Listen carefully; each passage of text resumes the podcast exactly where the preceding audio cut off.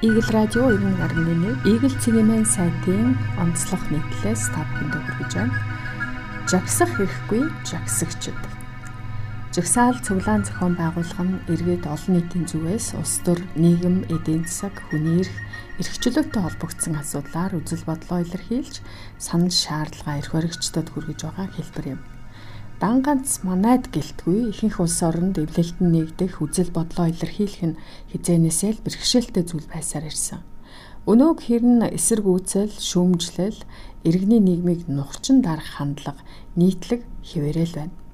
Ойрын хугацаанд дэлхийн эдийн засаг, нийгэм цаг үеийн байдал хүндэрч, улс төрийн хямрал нүүрэлсэнтэй холбоотой зарим өөрчлөлт шинжилэл хийгцээр байгаа төдийгүй үүний эсрэг тэмцэгчд ч мөн олширсоор Зарим улс оронд жагсаал цуглааны эсрэг хариу арга хэмжээ авч эсэргүүцлийн жагсаалыг өөр бусад арга хэрэгслээр дарахыг оролдож байна.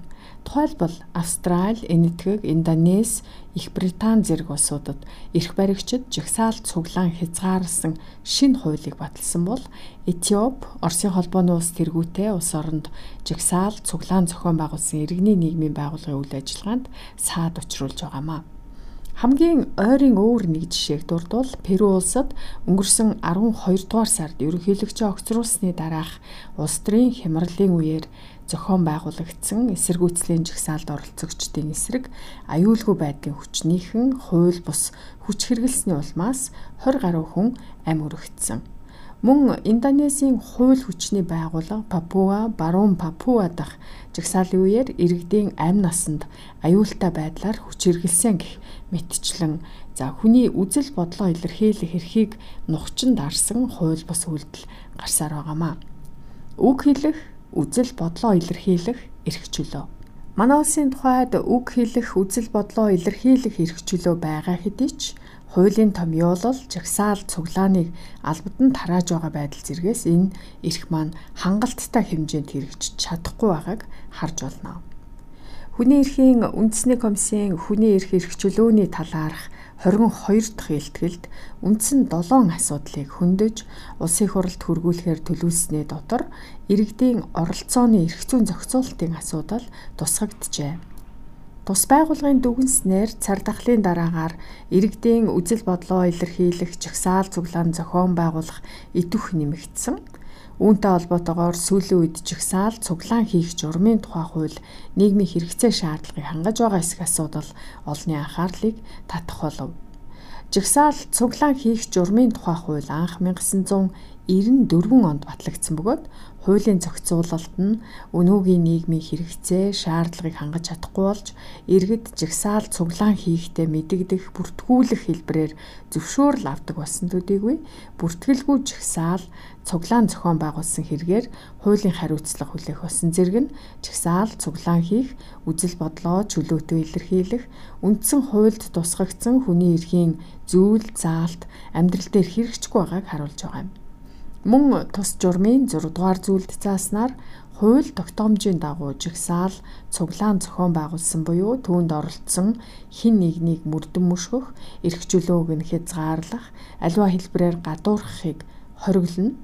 Хуульд зааснаас бусад тохиолдолд жигсаал цуглаан хийхэд зориуд саад учруулах түнчлэн хууль тогтоомжийн дагуу зохион байгуулагдаж байгаа жигсаал цуглааныг тараахыг хориглоно гэсэн байдаг ч мөн л бэлэгдлийн шинжтэй болоотхов. Хүний эрхийн үндэсний комиссийн гишүүн Наран Туя Дэлхийн улс төрийн эрх чөлөөний нөхцөл байдлыг үнэлдэг олон индекс байдаг.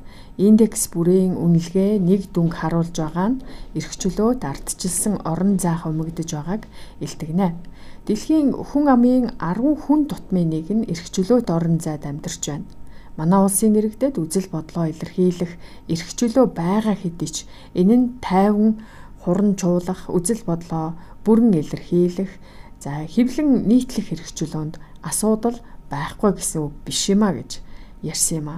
Өмгөөлөгч Орсоо эрхчлөө гэдэг маш эмзэг зүйл. Эрхчлөөгөө зөв эдэлбэл үр дүн нь нийгэмд маш сайнаар нөлөөлдөг. Харин хэтрүүлж буруугаар ашиглавал тухайн хүн өөрөө үзэл бодлоо илэрхийлэх эрхийн хохирогч болж дуустдаг. Тийм ч учраас бидэнд эрхчлөөгөө зөв эдлэх соёл хандлага маш чухал нөгөө талаас эрх чөлөөгөө зүү ёсоор эдэлж байгаа иргэдийн эрх хязгаарлагдаж зөрчигдөх асуудал сүүлийн үед их гарч байна. Манай улсын тухайд үг хэлэх, үзэл бодлоо илэрхийлэх эрхийг баталгаажуулсан байдаг ч бодит байдал дээр хуульд тусгагдсанаас нэлээн зөрүүтэй. Иргэд үзэл бодлоо илэрхийлэх, шүүмжилгээс имэж нэг бол тайван жигсаал цуглаан хийгээд эцэст нь зөрчлийн хуулиар торгуулдаг жишг энэ нийгэмд тогтоод байна. Манайд үг хэлэх, үзэл бодлоо илэрхийлэх эрхийг баталгаажуулсан хэдий ч бодит байдал дээр огт хэрэгждэггүй гэхэд хэлсдэггүй. Эрхээ эдэлснийхээ төлөө зөрчлийн хуулиар торгуулдгаас олж иргэд үзэл бодлоо хүртэл илэрхийлэхээсээ мэддэг боллоо. Угтаа үзэл бодлоо илэрхийлэх, тайван замаар жагсаал цуглаан зохион байгуулах, нийгмийн олон талт асуудлыг нийтийн өмнө ил болгох, эрх баригчдад тодорхой шаардлага хүргүүлэх нөлөөлөл үзүүлдэгч эрх баригчид үүнийг эрсдэл гэж хардаг нь харамсалтай. Eagle Cigmen сайтын онцлог нийтлэл жагсах эрхгүй жигсагчд нийтлэлийг та бүхэндээ хүргэнэ.